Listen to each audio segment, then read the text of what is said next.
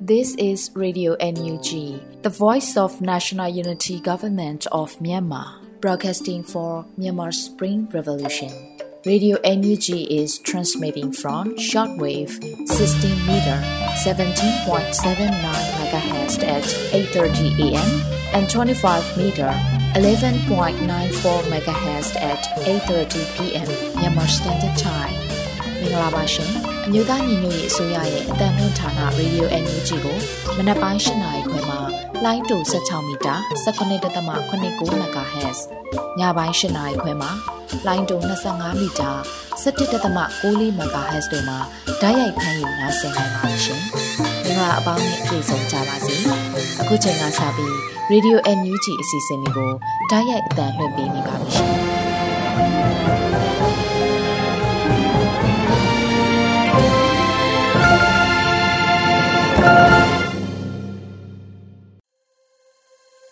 မြန်မာနိုင်ငံသူနိုင်ငံသားအပေါင်းတဘာဝပြီးဆရာနာရှင်ပြီးတို့ကနေကင်းဝေးပြီးကိုစိတ်နှပါဘေးကင်းလုံခြုံကြပါစေလို့ရေဒီယိုညူဂျီဖွယ်သားများကဆုတောင်းမေတ္တာပို့သလိုက်ရပါတယ်ရှင်။အခုချိန်ကစပြီးကာဝေးဝင်ကြီးဌာနရဲ့စီရေးသတင်းချင်းချုပ်ကိုတော့ Sodes လူနီမှဖတ်ကြားတင်ပြပေးပါတော့မယ်ရှင်။အမျိုးသားညညရေးဆိုရာကာကွယ်ရေးဝန်ကြီးဌာနမှထုတ်ဝေတဲ့နိုင်စဉ်စီးရင်သတင်းအချင်းချုပ်များကိုတင်ပြပေးပါတော့မယ်။ တရင်များအရစစ်ကောင်စီတပ်သား44ဦးသေဆုံးပြီး2ဦးထိခိုက်ဒဏ်ရာရရှိခဲ့ကြောင်းတရင်ရရှိပါရခင်ဗျာ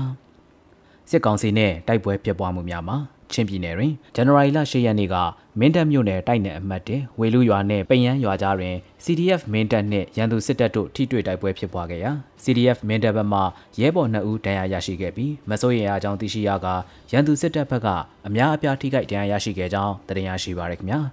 မွန်ပြည်နယ်တွင်ဇန်နဝါရီလ9ရက်နေ့မနက်6:25မိနစ်ခန့်ကရေးမြို့နယ်လမိုင်းမြို့လက်ဝဲရုံအနီးတွင်ရေးမြို့နယ်အထူးထောက်လိုင်းရေးဗိုလ်ကြီးညီညီအားရေးပြောက်ကြားတပ်ဖွဲ့ YGF ကပြစ်ခတ်တိုက်ခိုက်ခဲ့ရာတိတ်ဆုံးသွားခဲ့ကြောင်းသတင်းရရှိပါရခင်ဗျာ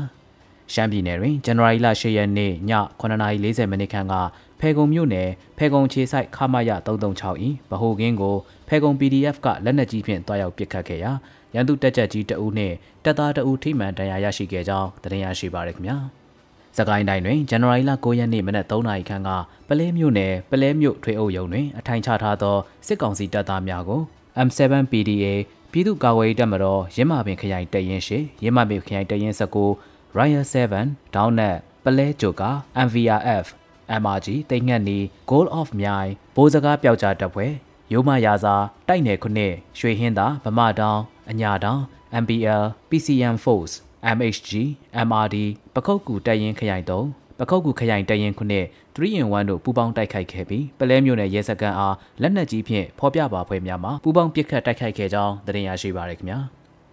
ဇန်နဝါရီလ9ရက်နေ့နေ့လယ်3နာရီခန့်ကပလဲမျိုးနယ်ကမ်းတောင်ရဲစခန်းကို M7 People Defense Army ပြည်သူ့ကာကွယ်ရေးတပ်မတော်ရဲမာပင်ခရိုင်တပ်ရင်းကို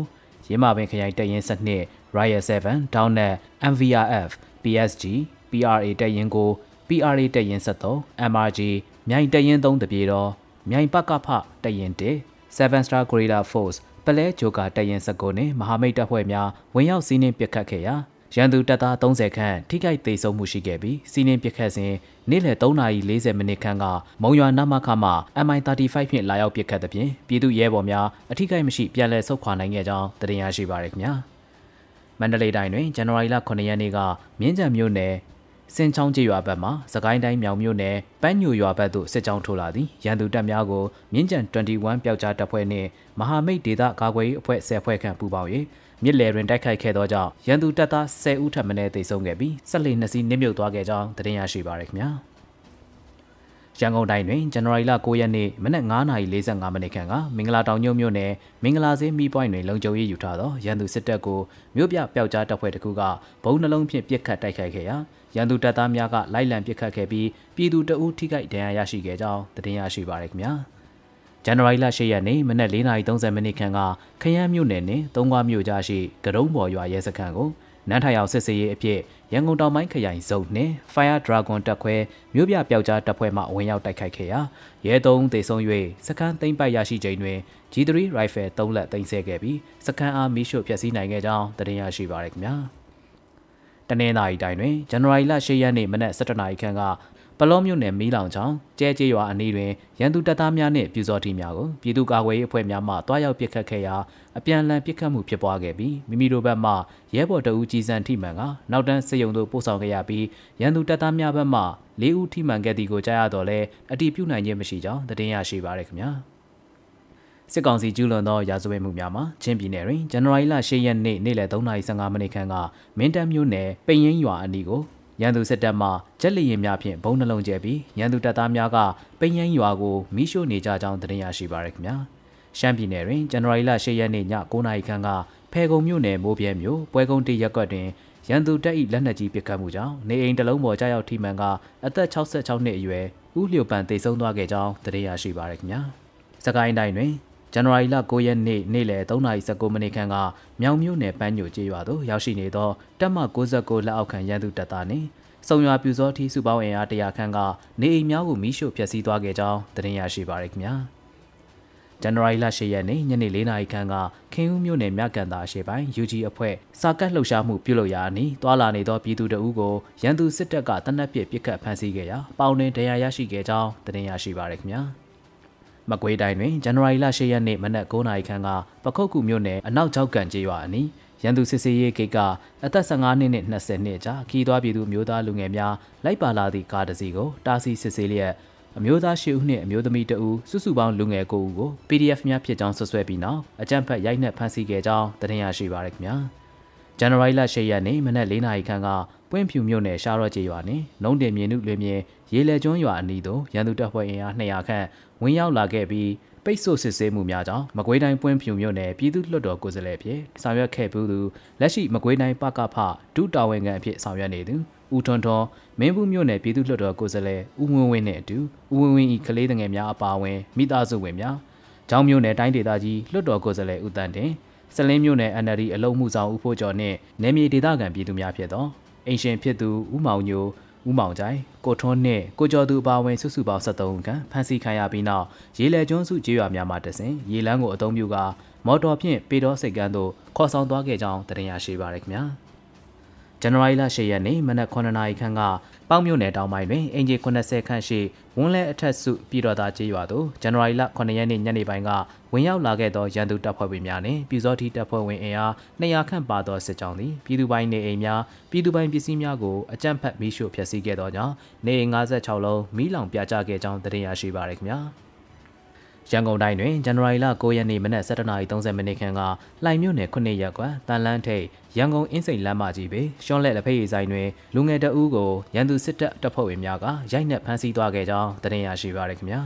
ဇန်နဝါရီလ10ရက်နေ့မနက်9:00နာရီခန့်ကမင်္ဂလာတုံမြို့နယ်ရန်ကုန်လေဆိပ်ပြည်ပထွက်ခွာတာမီနယ်1 immigration တွင် CDN ဆီယာမတအူးကိုရန်သူစစ်တပ်တပ်ဖွဲ့ဝင်များကဖမ်းဆီးသွားခဲ့ကြောင်းသတင်းရရှိပါရခင်ဗျာ။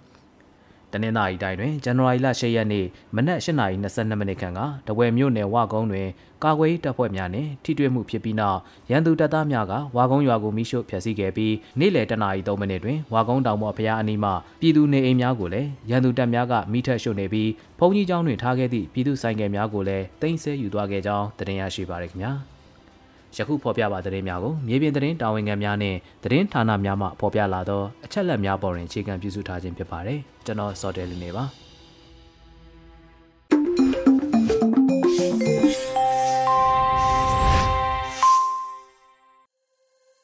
ရေဒီယိုအန်ယူဂျီရဲ့မနက်ခင်းစီစဉ်တွေကိုဆက်လက်တင်ပြနေပါတယ်။အခုဆက်လက်ပြီးနောက်ဆုံးရသတင်းများကိုလွတ်လပ်နေဦးမှဖတ်ကြားတင်ပြပေးပါရမရှင်။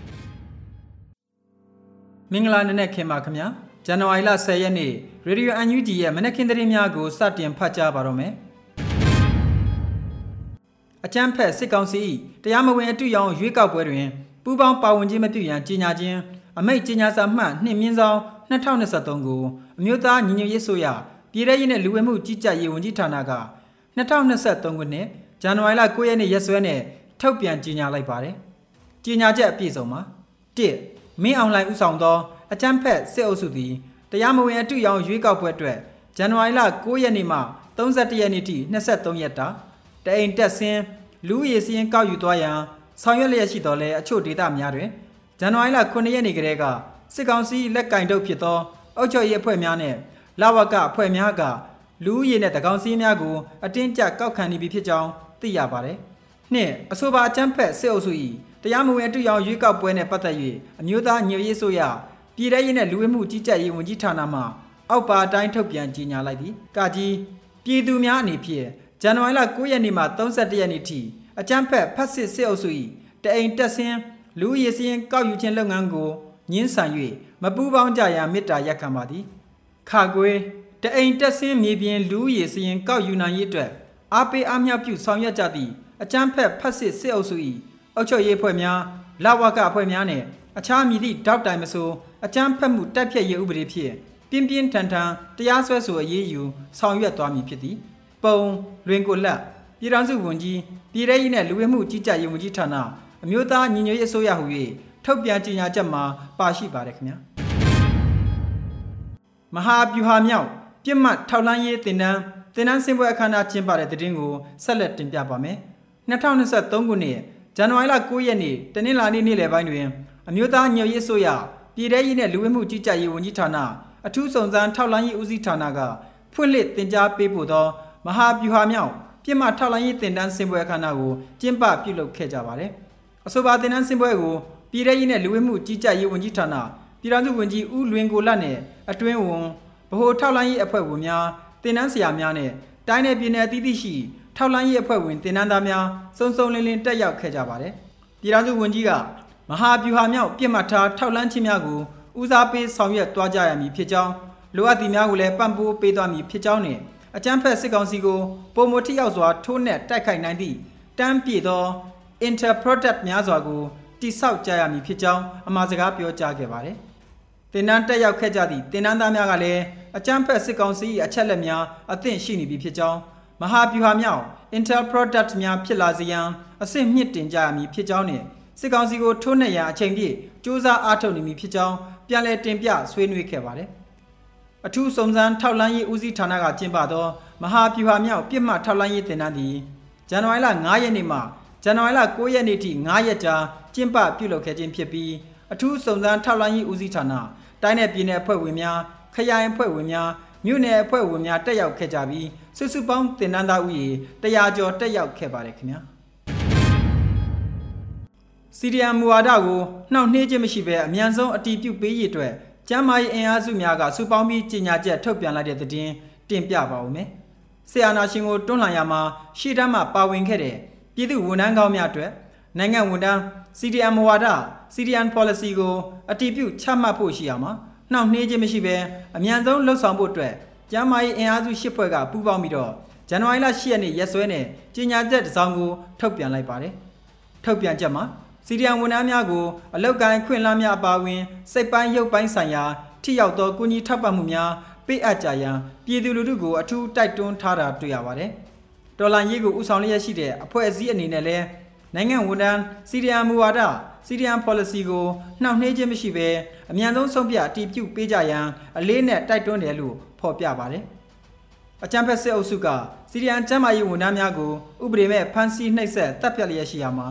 စစ်အုပ်စုအလို့ကြပူးပေါင်းနေတဲ့နန်းစီရီယံတွေနဲ့ပတ်သက်ပြီးတော့လဲကျမ်းမာရေးမိသားစုမန္တလေးစီရီယံစေပညာကွန်ရက်ရန်ကုန်စေပညာကွန်ရက်ချင်းတွင်းစေပညာကွန်ရက်ကရင်နီသားဖွားဆရာမများရပ်ဝန်း ကရင်နီသူနာပြုအစည်းအရုံးကရင်နီဆရာဝန်များရပ်ဝန်းစီရီယံကွန်ရက်ချင်းပြည်နယ်အစရှိတဲ့အဖွဲ့၈ဖွဲ့ကပူးပေါင်းပြီးကြေညာချက်ထုတ်ပြန်လိုက်တာဖြစ်ပါတယ်နန်စီရီယံများဟာစစ်ကောင်စီအလို့ကြစီရီယံကျမ်းမာရေးဝန်ထမ်းများပေါ်ဖိနှိပ်နေတာကတက်သေးတာရကနဲ့တကွအထင်ရှားရှိပြီဖြစ်ကြောင်းအခုလိုအကြမ်းဖက်လုပ်ငန်းများမှာပူးပေါင်းပါဝင်ခဲ့မှုအဆင့်လိုက်နန်စီတရန်ဝန်ထမ်းများကိုပြည်သူတရားစီရင်ရေးဥပဒေနဲ့ညီပြစ်မှုပြစ်ဒဏ်များချမှတ်သွားမှာဖြစ်တဲ့အတွက်ကြောင့် ချက်ချင်းရပ်တန့်ကြရန်ပြင်းထန်စွာတတိပေးထားပါတယ်။တတိပေးနေလျက်ကစီရီယန်ကျမ်းမာရေးဝန်ထမ်းများပေါ်အကြမ်းဖက်စစ်အုပ်စုအလို့ကျဆက်လက်ဖိနှိပ်နေမည်ဆိုပါကအကြမ်းဖက်စစ်အုပ်စုတောက်တိုင်းနန်စီရီယန်ဝန်ထမ်းများကိုအပြင်းထန်ဆုံးတုတ်ပြန်ဆောင်ရွက်သွားမှာဖြစ်ကြောင်းထုတ်ပြန်ချက်ထဲမှာဖော်ပြထားပါတယ်။ဒေါ်လာရေးကိုဥဆောင်နေတဲ့အဖွဲ့အစည်းတွေအနေနဲ့လည်းနိုင်ငံဝန်ထမ်းစီရီယန်မူဝါဒစီရီယန် policy ကိုနှောင့်နှေးနေခြင်းမရှိဘဲအမြန်ဆုံးဆုံးဖြတ်အတီးပြုတ်ပေးကြဖို့အတွက် ပူးပေါင်းထုတ်ပြန်ကြေညာခဲ့တာဖြစ်ပါတယ်ခင်ဗျာ။အကြမ်းဖက်စစ်ကောင်စီရဲ့အတုအယောင်ရွေးကောက်ပွဲမှာပူးပေါင်းပါဝင်သူတွေကိုအရေးယူမယ်လို့ CDF ကအသိပေးလိုက်ပါတယ်။မင်းအောင်လှိုင်ဦးဆောင်တဲ့အကြမ်းဖက်စစ်ကောင်စီရဲ့အတူရောင်ရွေးကောက်ပွဲပြုလုပ်ပြီးတရားဝင်အစိုးရဖြစ်နိုင်ရေးစ조사မှုကိုလုံးဝကန့်ကွက်တယ်လို့ဟာကာမြို့နယ်ချင်းကာကွယ်ရေးတပ် CDF ကောင်စီကဒီကနေ့ထုတ်ပြန်လိုက်ပါတယ်။ အကြမ်းဖက်စစ်ကောင်စီကျင်းပမဲ့ရွေးကောက်ပွဲကိုဟာကာမြို့နယ်အတွင်းမှာကျင်းပခွင့်ပေးမှာမဟုတ်သလိုအပြစ်မဲ့ပြည်သူတွေကိုတပ်ဖြတ်နေတဲ့စစ်ကောင်စီရဲ့ရွေးကောက်ပွဲဖြစ်မြောက်ရေးမှာပါဝင်ဆောင်ရွက်နေသူတွေကိုလည်းပြည်သူလူထုရဲ့ရန်သူများဖြစ်တတ်မှတ်ခါပြင်းထန်စွာအေးအေးယူသွားမယ်လို့ဖော်ပြပါတယ်။အကြမ်းဖက်စစ်ကောင်စီရဲ့ရွေးကောက်ပွဲနဲ့ပတ်သက်ပြီးလူပုဂ္ဂိုလ်တဦးဦးအားထိခိုက်တစုံတရာရှိခဲ့ပါကတာဝန်ယူမည်မဟုတ်ဘူးလို့လည်းထုတ်ပြန်ခဲ့ပါတယ်။ဟာကာ CDF ကောင်စီအနေနဲ့ ရွေးကောက်ပွဲဆန့်ကျင်ကန့်ကွက်သူအဖွဲ့အစည်းလူပုဂ္ဂိုလ်တို့နဲ့ပူးပေါင်းဆောင်ရွက်သွားမှာဖြစ်တယ်လို့လည်းအသိပေးထားပါတယ်။စစ်ရေးနိုင်ငံရေးတန်တမာရေးအဖက်ဖက်ကအထိနာနေတဲ့အကြမ်းဖက်စစ်ကောင်စီဟာရွေးကောက်ပွဲကျင်းပပြီး2008ဖွဲ့စည်းပုံအခြေခံဥပဒေကိုအသက်သွင်းဖို့သူတို့ရဲ့အာဏာကိုဆက်လက်ထိန်းထားဖို့ကြိုးပမ်းနေတာဖြစ်လို့အကြမ်းဖက်စစ်ကောင်စီရဲ့ရွေးကောက်ပွဲကိုဆန့်ကျင်ကြရန်ပြည်သူလူထုတွေကိုဒေါ်လာရင်းအင်အားစုတွေကတိုက်တွန်းထားပါတယ်။လက်ရှိမှာစတင်ဆောင်ရွက်နေတဲ့ရွေးကောက်ပွဲအတွက် လူရည်စည်းကောက်ယူခြင်းများကိုလည်းပူးပေါင်းဆောင်ရွက်ခြင်းမပြုရန်တိုက်တွန်းနှိုးဆော်ထားပါတယ်ခင်ဗျာ။မင်းဘူးပွင့်ဖြူ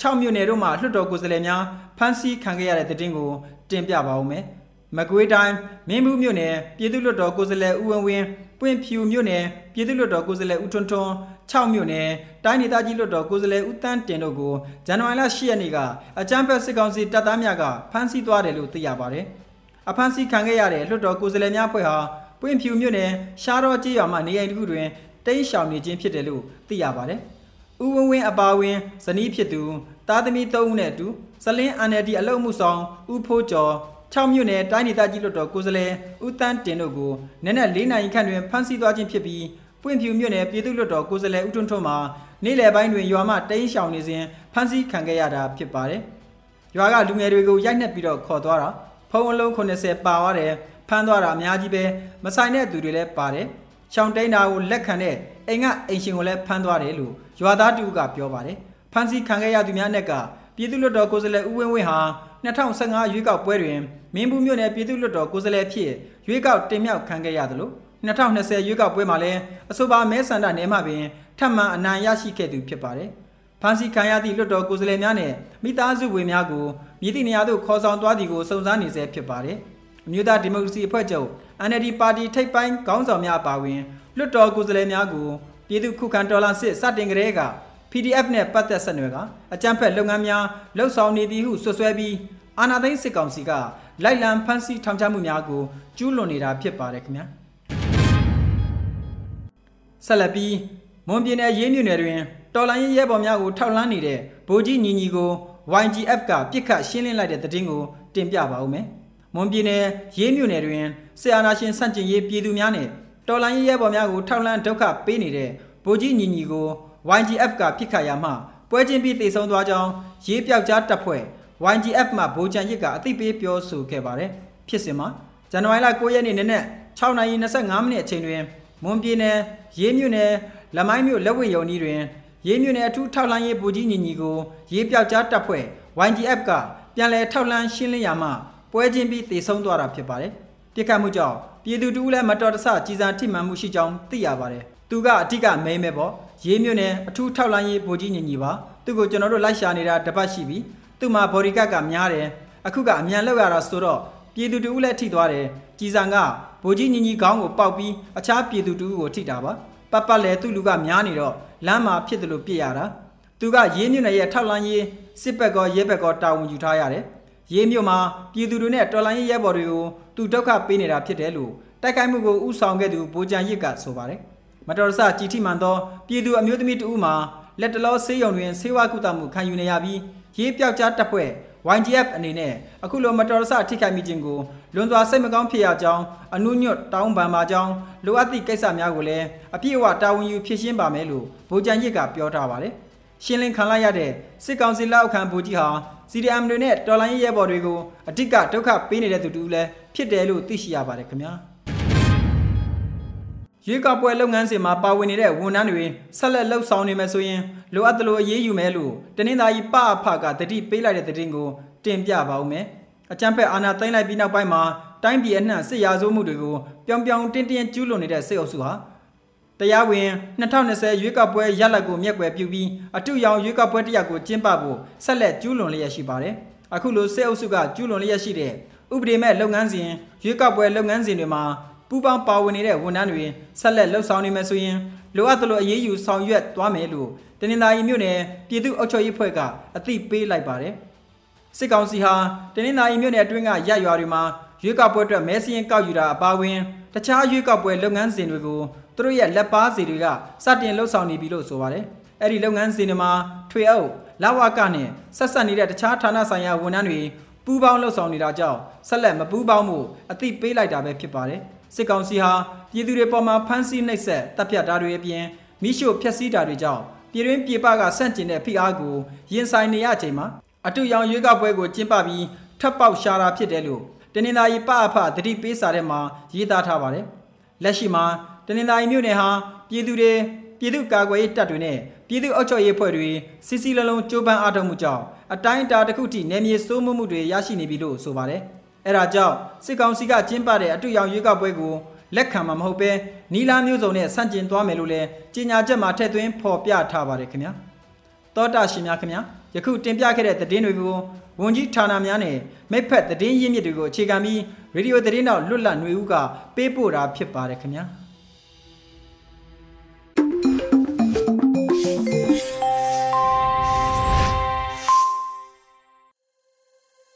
ဗီဒီယိုညူချီပရိသတ်တွေအတွက်ကူးဆက်လက်ပြီးထုတ်လွှင့်ပေးမယ့်အစီအစဉ်ကတော့မြမနွေဦးခရိုနီကယ်ဇန်နဝါရီ10မြင်ကွင်းဖြစ်တဲ့အင်းလေးကန်နဘေးကဒေတာကန် PDF တချို့အဖမ်းခံရ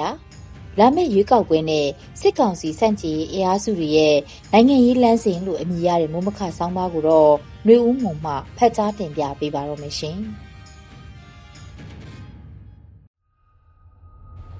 မြန်မာနွေခရိုနီကယ်ဇန်နဝါရီ10မြင်ကွင်းမိုးမခ အင်းလေးကန်နဘေးကဒေတာကန် PDF တချို့အဖမ်းခံရလာမယ့်ရွေးကောက်ပွဲနဲ့စစ်ကောင်စီစန့်ကျင်ရေးအင်အားစုတွေရဲ့နိုင်ငံရေးလမ်းစဉ်ရှမ်းပြည်နယ်တောင်ပိုင်းဒေသတွေရှမ်းအရှေ့ဒေသတွေနဲ့ပအိုးတိုင်းသားတွေနေထိုင်ကြတဲ့ရှမ်းတောင်ပိုင်းနဲ့ရှမ်းမြောက်တွေမှာ NUG ရဲ့လက်အောက်ခံသို့မဟုတ် NUG မဟာမိတ်ဖြစ်တဲ့ PDF တပ်ဖွဲ့တွေမရှိသလောက်နေပါတာတွေ့ရပြီးခုပထမဆုံးအနေနဲ့အင်းလေးကဲရဲ့တောင်ပိုင်းအစွန်းလို့ဆိုရမယ်အင်းနေကြီးရွာနီမှာဆယ်ကနန်းမြရှိတဲ့ PDF တပ်ဖွဲ့တချို့ဖမ်းဆီးခံခဲ့ရတဲ့သတင်းတွေဖော်ပြထားကြပါတယ်။မြန်မာနိုင်ငံမှာအကျယ်ဆုံးတိုင်းရင်းသားပြည်နယ်ဖြစ်တဲ့ရှမ်းပြည်နယ်လို့ဆိုရင်ရှမ်းပြည်နယ်မြောက်ပိုင်းအရှေ့ပိုင်းနဲ့တောင်ပိုင်းတွေမှာတိုင်းသားလူမျိုးစုလက်နက်ကိုင်အဖွဲ့အသီးသီးရှိကြပြီးအများစုကဆီယနာသိမ်းပြီးနောက်တက်လာတဲ့စစ်ကောင်စီနဲ့ပိုနေမြဲကြားနေမြဲမူဝါဒကိုကင်ဆွဲထားကြပြီးထိတ်တိုက်ရင်ဆိုင်တိုက်ခိုက်မဲ့လမ်းကြောင်းကိုအများစုသောအဖွဲ့တွေကမရွေးချယ်ကြပါဘူး။အဲ့ဒီဒေသတွေမှာဒေသခံတွေရဲ့ PDF အဖွဲ့တွေပေါ်ထွက်လာတာသိမရှိကြပါဘူး။ပြီးခဲ့တဲ့နှစ်တွေမှာရွာငံနဲ့ပင်တရဘက်မှာ PDF အဖွဲ့ချုပ်ဖွဲ့စည်းလှုပ်ရှားခဲ့ကြပေမဲ့တိုင်းသားလက်နက်ကိုင်ဒေသတွေနဲ့တတိတခြားဖြစ်နေတာကြောင့်ရောလက်နက်နဲ့ငွေကြေးကိစ္စအထောက်အပံ့တွေရေရှည်ရဖို့ခက်ခဲတာကြောင့်လည်းရေရှည်မလှုပ်ရှားနိုင်ကြပါဘူး။ခုလက်တလုံးဖမ်းဆီးခံလိုက်ရတဲ့အင်းလေးကန်ရဲ့အနောက်တောင်ဘက်အစွန်ဖြစ်တဲ့အင်းဒိန်ကျေးရွာတဝိုက်မှာလှုပ်ရှားကြတဲ့အဖွဲ့တွေဖြစ်ပါတယ်။တောင်ကြီးမြို့မှာဆန္ဒပြမှုတွေပြီး PDF လှုပ်ရှားမှုအချို့ရှိခဲ့ပေမဲ့လည်း ရေရှည်မရက်တည်နိုင်ကြပဲတဖြည်းဖြည်းနဲ့တခြားနယ်ပယ်တွေကိုရွှေ့ပြောင်းသွားကြရတာဖြစ်ပါတယ်။ရှမ်းပြည်နယ်နယ်နိမိတ်အရာဆိုကယားပြည်နယ်နဲ့ထိစပ်နေတဲ့ဒေသတွေမှာတော့ကယားပြည်နယ်ဘက်ကဆီယနာသိမ်းပြီးဒေသလိုက်ထွက်ပေါ်လာတဲ့ PDF ဖွဲ့တွေဖြစ်တဲ့ KNDF ကအားကောင်းတာဖြစ်ပါတယ်။ရှမ်းပြည်နယ်ရဲ့နိုင်ငံရေးနောက်ခံအခြေအနေကိုကြည့်ရင်မြန်မာနိုင်ငံရဲ့လူမျိုးစုအရေးကနိုင်ငံရေးဖြစ်စဉ်တွေမှာဘလောက်ရေးပါတယ်လဲဆိုတာသိရှိနိုင်ပါတယ်။ဝါအဖွဲ့လိုကိုပိုင်လက်နက်ကိုင်တက်ရဲအုပ်ချုပ်ရေးနဲ့ဖြစ်နေတဲ့အဖွဲ့လူကစားလို့ စစ်ကောင်စီနဲ့တိုက်ခိုက်နေတဲ့ MNDA လို့ဖွဲ့မျိုး BGF ဖြစ်အသွင်ပြောင်းတာလက်ခံပြီးစစ်တပ်နဲ့စီးလုံးနဲ့ဆက်ဆံရေးရှိကလူလူကိုစစ်တူရင်တဲ့ဖွဲ့အုပ်ချုပ်တဲ့ပအိုးအဖွဲ့ရှမ်းပြည်နယ်မှာရှမ်းလူမျိုးစုတွေတဲ့အင်အားကြီးဆုံးလက်နက်ကိုင်အဖွဲ့နှစ်ဖွဲ့ဖြစ်တဲ့ RCSS နဲ့ SSPB အဖွဲ့မြောက်ပိုင်းမဟာမိတ်အဖွဲ့ဆိုတဲ့စစ်ကောင်စီတပ်တွေနဲ့မကြာခဏတိုက်ခိုက်နေတဲ့အဖွဲ့တွေပါတဲ့မဟာမိတ်စသဖြင့်အမျိုးမျိုးသောအဖွဲ့တွေကအမျိုးမျိုးသောနိုင်ငံရေးရှုမြင်ချက်လက်တွေ့အကျိုးစီးပွားတွေပေါ်အခြေခံက မူဝါဒချမှတ်ရည်တည်နေကြတာဖြစ်ပါတယ်။ဒေသလိုက်ပေါ်ထွက်လာတဲ့ PDF ဖွဲ့တွေအနေနဲ့ဆိုပါနိုင်ငံရေးစစ်ရေးအင်အားအစင်လာမဟာမိတ်ဖြစ်မှုတွေကိုမကြော်လွန်နိုင်ကြတာတွေ့ရပါလိမ့်မယ်။မြမဒီမိုကရေစီရေးနဲ့ဆီယနာရှင်ဖြုတ်ချရေးကအဖြူအမဲခွဲခြားသလိုထင်သလောက်မယိုးရှင်းပဲတိုင်းသားဖရယ်ရေးလူမျိုးစုချင်းချင်းကြားကဆက်ဆံရေးပြဿနာတွေကိုလည်းတွဲလျက်ဖြေရှင်းနိုင်ဖို့မူဝါဒရည်တည်ချက်မှန်ကန်တဲ့ချင်းကပ်မှုတွေလိုအပ်တာအမှန်ပဲဖြစ်ပါတယ်။ တချို့သောပြဿနာတွေက1988မှ2021ခုနှစ်မှာပေါ်ပေါက်လာတဲ့ပြဿနာမဟုတ်ဘဲအဲ့ဒီမတိုင်ခင်ကတည်းကလွတ်လပ်ရေးရပြီးကာလတွေကတည်းကအခြေခံခဲ့တဲ့ပြဿနာတွေဖြစ်လို့ထင်သလောက်မယိုးရှင်းဘူးလို့ဆိုရမှာဖြစ်ပါတယ်။တက်ဆက်တဲ့ဆီယနာရှင်စန့်ကျင်အင်အားစုတွေကြားလာမဲ့စစ်ကောင်စီကျင်းပမဲ့ရွေးကောက်ပွဲနဲ့ပတ်သက်လို့လဲမဟာဗျူဟာတွေနီးဗျူဟာတွေဆွေးနွေးသတ်မှတ်ထားကြဖို့လိုအပ်နေတာတွေ့ရမှာဖြစ်ပါတယ်။အကြခင်သတင်းဘက်အနေငယ်အတွင်းစိတ်လှုပ်ရှားစရာမရှိတဲ့ လွတ်လပ်မျှတစရာအကြောင်းမမြင်တဲ့ရွေးကောက်ပွဲနဲ့ပတ်သက်တဲ့ကြေညာမှုတွေကိုစစ်ကောင်စီဘက်ကလှုပ်လာစရာရှိပါတယ်။စိတ်လှုပ်ရှားစရာမရှိလွတ်လပ်မျှတစရာအကြောင်းမရှိတာအမှန်ဖြစ်ပေမဲ့ချို့သောနိုင်ငံရေးပါတီတွေနဲ့နိုင်ငံရေးအင်အားစုတွေကခုလာမယ့်ရွေးကောက်ပွဲကိုဖျက်ဆီးကျင်းတာမျိုးလည်းဖြစ်ကောင်းဖြစ်နိုင်ပါတယ်။ဒီလိုစစ်ကောင်စီနဲ့ထိတွေ့ဆက်ဆံပြီးစစ်ကောင်စီကကမကထလုပ်ကျင်းပမယ့်ရွေးကောက်ပွဲကိုပါဝင်ရှင်ပြိုင်ခြင်းနဲ့နိုင်ငံရေးပါတီနိုင်ငံရေးသမားတွေနဲ့ မဲပေးဖို့ဖိအားပေးချင်းကြောက်ခံကြရနိုင်ခြင်းရှိတဲ့မြန်မာနိုင်ငံရဲ့ကျေးလက်နဲ့မြို့နေလူထုအခြေအနေတွေအပေါ်မှာဘယ်လိုတုံ့ပြန်ပြောမလဲကိစ္စတွေကအသေးစိတ်စဉ်းစားဆုံးဖြတ်ထားဖို့လိုအပ်နေပြီဖြစ်ပါတယ်။ရွေးကောက်ပွဲဟာစစ်ကောင်စီအတွက်နိုင်ငံရေးထွက်ပေါက်ဆိုတဲ့စကားကဒိတ်ဘက်အမျိုးမျိုးတက်ရောက်စေနိုင်ပြီးအမှန်တော့နိုင်ငံရေးဖိအားတွေလျော့ပါမလားဆိုတဲ့မျောလင်းချက်နဲ့လှုံ့ဆော်တဲ့နိုင်ငံရေးပြည်ရတစ်ခုလို့ဆိုရင်ပုံမှန်လိမ့်မှာဖြစ်ပါတယ်ရှင်။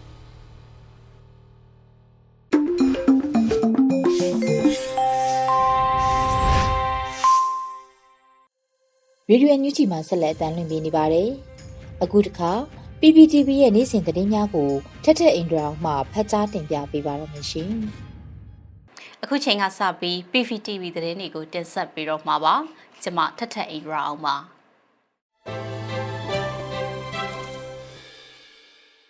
ပထမဆုံးတင်ဆက်ပေးခြင်းတဲ့တဲ့ရင်ကတော့အကြမ်းဖက်စစ်ကောင်စီရဲ့တရင်တဆင်လူရည်စရင်ကောက်ယူခြင်းလုပ်ငန်းစဉ်ကိုမပူပေါင်းကြဖို့တော်လှန်ရေးအင်အားစုတွေပန်ကြားတဲ့တဲ့ရင်ကိုတင်ဆက်ပေးပါဦးမယ်။အကြမ်းဖက်စစ်ကောင်စီကသူတို့လုပ်မဲ့အတူရောင်ရွေးကောက်ပွဲအတွက်နိုင်ငံအတွင်းကလူဦးရေစရင်မှန်ကန်ရေးအတွက်မြေပြင်ကွင်းစင်တိုက်ဆိုင်စစ်ဆေးရန်ဆိုတဲ့ကောင်းစဉ်တက်ပြီး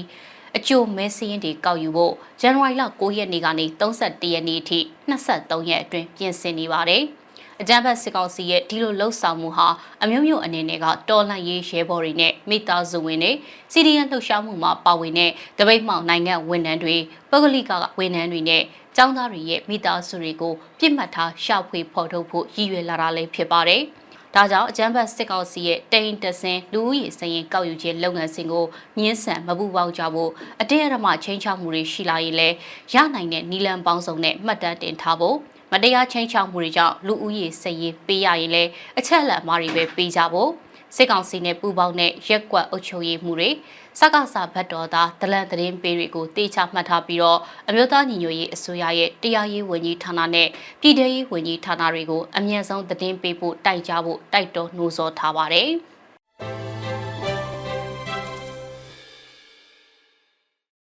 ဆလတ်တင်ဆက်ပေးမဲ့တဲ့ရင်ကတော့ Click to Donate ကတနှစ်အတွင်းတော်လှန်ရေးအတွက်ထောက်ပံ့ငွေသိန်းပေါင်း4000ကျော်ရရှိခဲ့တဲ့ဆိုတဲ့တဲ့ရင်ကိုတင်ဆက်ပေးပါမယ်။ Click to Donate အစီအစဉ်ကနေ2022ခုနှစ်အတွင်းမြန်မာငွေသိန်းပေါင်း4000ကျော်နဲ့ညီမျှတဲ့စင်ကာပူဒေါ်လာ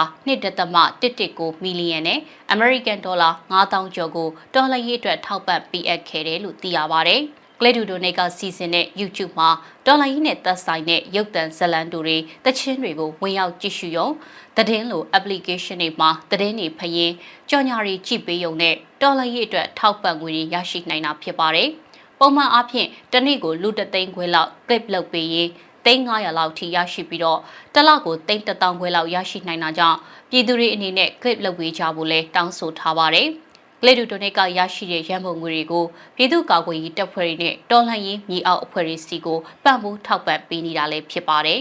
။ကျေးဇူးတင်ပါတယ်ရှင်။ဒီကနေ့ကတော့ဒီညနဲ့ပဲ Radio NUG ရဲ့အစီအစဉ်လေးကိုခਿੱတရနာလိုက်ပါမယ်ရှင်။ မြမစံတော်ချိန်မနက်၈နာရီခွဲနဲ့ည၈နာရီခွဲအချိန်တွေမှာပြန်လည်ဆုံတွေ့ကြပါစို့။ Radio NUG ကိုမနက်ပိုင်း၈နာရီခွဲမှာလိုင်းတူ16မီတာ19.8 MHz ညပိုင်း၈နာရီခွဲမှာလိုင်းတူ25မီတာ17.6 MHz တို့မှာဓာတ်ရိုက်ဖမ်းလို့နိုင်စေနိုင်ပါပြီ။မြန်မာနိုင်ငံသူနိုင်ငံသားတွေကိုစိတ်နှပြစမ်းမချမ်းသာလို့ဘေးကင်းလုံခြုံကြပါစေလို့ Radio NUG အဖွဲ့သူဖွဲ့သားတွေကဆုတောင်းမြတ်တာပို့တာလိုက်ရပါတယ်ရှင်။ အမျိုးသားညီညွတ်ရေးအစိုးရရဲ့စက်သွေးရေးသတင်းအချက်အလက်နဲ့လူပညာဝန်ကြီးဌာနကထုတ်လွှင့်နေတဲ့ Radio NUG ဖြစ်ပါတယ်။ San Francisco Bay Area အခြေစိုက်မြန်မာမိသားစုတွေနဲ့နိုင်ငံတကာကစေတနာရှင်လို့အားပေးနေတဲ့ Radio NUG ဖြစ်ပါတယ်။အရေးတော်ပုံအောင်ရမည်